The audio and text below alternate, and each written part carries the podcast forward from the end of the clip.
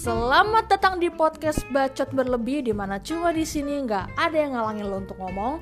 Bersama gue Rachel Emanuela, host kesayangan kalian dan pada hari ini gue bakal ngomongin soal magang. Gimana sih magang bisa mengakselerasi karir kalian dan gimana magang bisa mengubah karir kalian ke depannya dan memberikan kalian masa depan dalam dunia karir yang lebih cerah, ceria, cemerlang, rupawan. Wow. Dan pada hari ini gue bakal nyemangatin kalian semua, bakal encourage kalian yang tadinya masih males-malesan buat masuk dunia magang, yang tadinya masih males-malesan buat cari tempat magang, sekarang saatnya kalian duduk tenang dengerin podcast ini dan siap-siap buka glint kalian, buka LinkedIn kalian dan setelah ini gue akan mengubah pikiran kalian supaya kalian mau magang. Oke, langsung aja kita masuk ke segmen berikutnya. Let's check this out. Hal pertama yang harus kalian tahu dalam dunia magang adalah there's two option of an internship.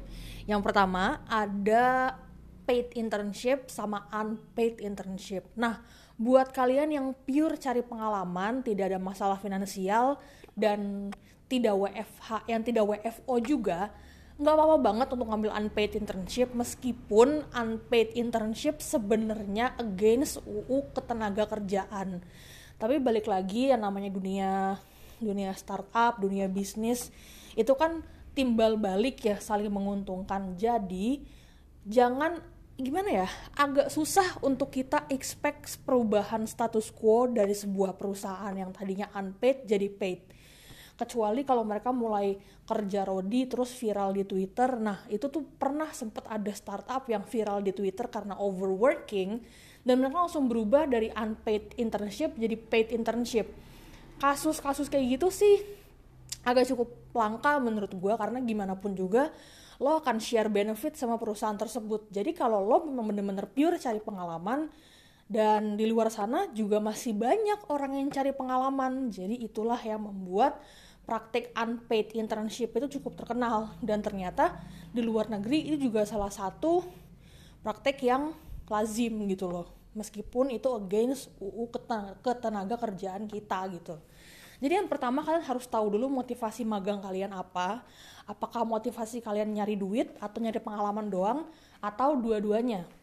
Apalagi kalau WFO penting banget untuk mencari tempat yang paid karena kalian butuh ongkos, kalian butuh uang makan, kalian butuh segala macam. Jangan sampai kalian mengambil WFO yang unpaid tanpa persetujuan orang tua.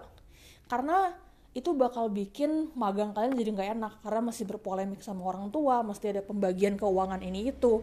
Tapi benefit yang kalian dapat nggak seberapa cuma pengalaman. Nah biasanya kalau kalian mau up lagi benefitnya jangan lupa untuk minta surat rekomendasi atau sertifikat magang. Selain itu minta juga pelatihan-pelatihan, banyak nanya sama CEO-nya, terus juga ngobrol sama kepala divisinya, ngobrol sama atasan kalian. Jadi pengalaman kalian nggak cuma sekedar job desk aja, tapi kalian bisa cross, uh, bisa saling uh, ngasih benefit, mereka dapat dapat hasil kerjaan dari kalian dan kalian juga dapat pembelajaran dari mereka. Dan yang kedua, setelah mengetahui motivasi kalian apa, ketahui benefit yang kalian dapat. Seperti yang sudah gue bahas barusan ketahui benefit yang kalian dapat. Kalau memang mereka tidak menjanjikan pelatihan kalian harus inisiatif nanya sendiri. Kalian harus inisiatif ngobrol-ngobrol sama kepala divisi yang lain. Kalian harus inisiatif ngomong sama atasan dari divisi yang lain. Harus inisiatif ngobrol sama atasan dari divisi kalian sendiri head of head of-nya kalian siapa. Inisiatiflah bertanya supaya unpaid internship kalian gak sia-sia. Tapi yang paid internship juga gue sangat mendorong untuk melakukan hal itu karena ada possibility karir yang lo tahu sekarang itu ternyata bukan karir yang lo inginkan. Jadi sebagai content writer bisa aja lo pengen ke UX writer. Nanya-nanya lah sama orang UI UX nya uh, atau lu pengen ke marketing atau ke sosial media. Ketika lu bekerja di sana, jangan ragu untuk bertanya dan jangan ragu untuk belajar karena internship it's all about learning. Jadi manfaatin situasinya mau lo paid mau lo unpaid, terutama kalau lo unpaid, gunakanlah situasi itu untuk belajar gitu loh jadi kalian menggunakan kesempatan internship kalian untuk sesuatu yang bermanfaat buat karir kalian baik itu karir yang kalian magang sekarang ataupun karir kalian ke depannya jadi ketika kalian mau mencari tahu soal divisi lain, mencari tahu soal prospek kerja lain, kalian udah punya bekal. Terutama kalau lagi internship, internship pertama lagi. Internship pertama banget, banyak-banyak orang nanya. Nah, di tempat magang gue yang lama, di Relief, itu setiap hari Sabtu ada pelatihan dari berbagai macam divisi. Marketing, sosmed, UI, UX, gue udah mengikuti tiga pelatihan dari mereka dan hati gue tetap jatuh pada divisi content writing. Tetap aja gue sukanya di content writing.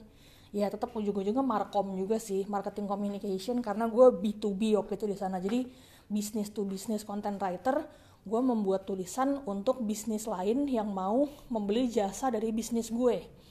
Nah yang ketiga ketahui value kalian value dari pekerjaan kalian tuh penting banget seperti gue bilang barusan pekerjaan gue adalah menjual produk.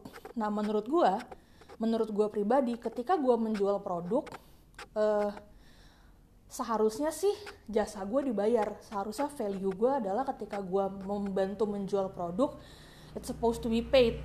Tapi ternyata cara relief membayar gue berbeda, yaitu dengan pengalaman, surat rekomendasi, uh, dan beberapa bingkisan serta workshop-workshop yang sudah mereka berikan. Dan itu kembali lagi ke kesepakatan perusahaan dan gimana perusahaan mau membangun lingkungan internship mereka. Dan kita nggak bisa maksa kita nggak bisa demo kita nggak bisa protes. Jadi carilah perusahaan yang suits you the best dengan research dan buka-buka LinkedIn. Nah ketahui value kalian itu penting supaya kalian tahu benefitnya cocok apa enggak sama kalian terutama buat kalian yang magang sudah beberapa kali. Menurut gua magang kedua atau ketiga kali itu udah nggak seharusnya buat cari pengalaman doang tapi bisa mulai dibiayai oleh uh, income. Bisa mulai dapat income. Dan menurut gue penting banget buat mulai nyari paid internship. Nah dari situlah kalian mulai bisa nyari-nyari paid internship dan mulai mengetahui value kalian gimana rasanya gue kerja gue dibayar gitu. Nah terus habis itu yang terakhir adalah research.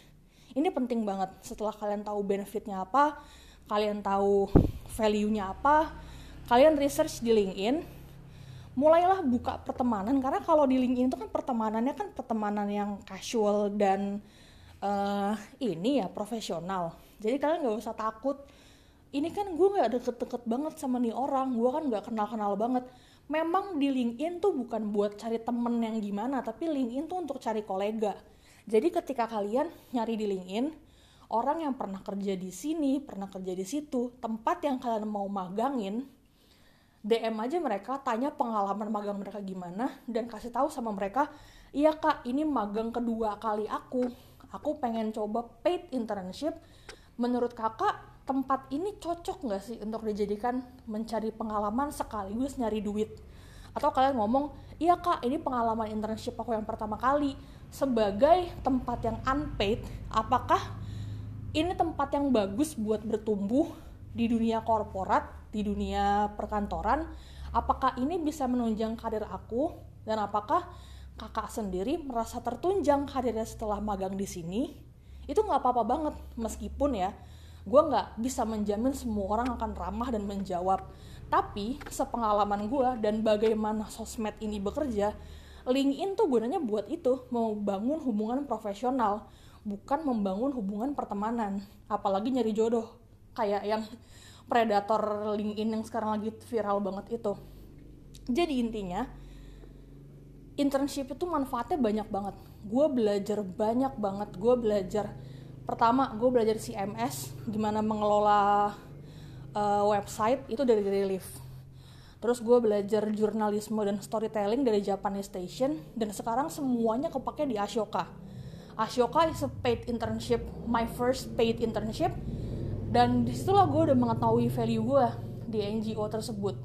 Jadi gue dapat banyak ilmu dari dua unpaid internship dan gue aplikasikan di internship ketiga yang berbayar jadi gue tahu gimana rasanya kerja dibayar dengan pengalaman profesional. Nah apakah itu akan menunjang karir gue? Jelas menunjang. Karena gue berasal dari UNJ yang bukan top tier university alias face it top tier university itu UI, UGM, Unpad, ITB, IPB, apalagi ya? Ada beberapa lah. Kalau kalau swasta kan Untar, uh, eh, UPH, LSPR dan UNJ tuh beberapa perusahaan tidak memandang UNJ sebagai top tier university meskipun UNJ di Kemendikbud sudah peringkat kelima dan akreditasinya sudah A. Tapi pandangan di beberapa perusahaan tuh belum kayak gitu. Jadi gue membangun karir dengan internship dan sekarang gue sudah mengumpulkan satu tahun pengalaman kerja bareng internship 6 bulan di Ashoka, 3 bulan di Relief, 3 bulan lagi di Japanese Station. Dan itu adalah pengalaman yang berharga banget buat gue karena sebelum gue lulus, gue sudah punya pengalaman kerja satu tahun. Dan itu wajib ditulis di CV guys.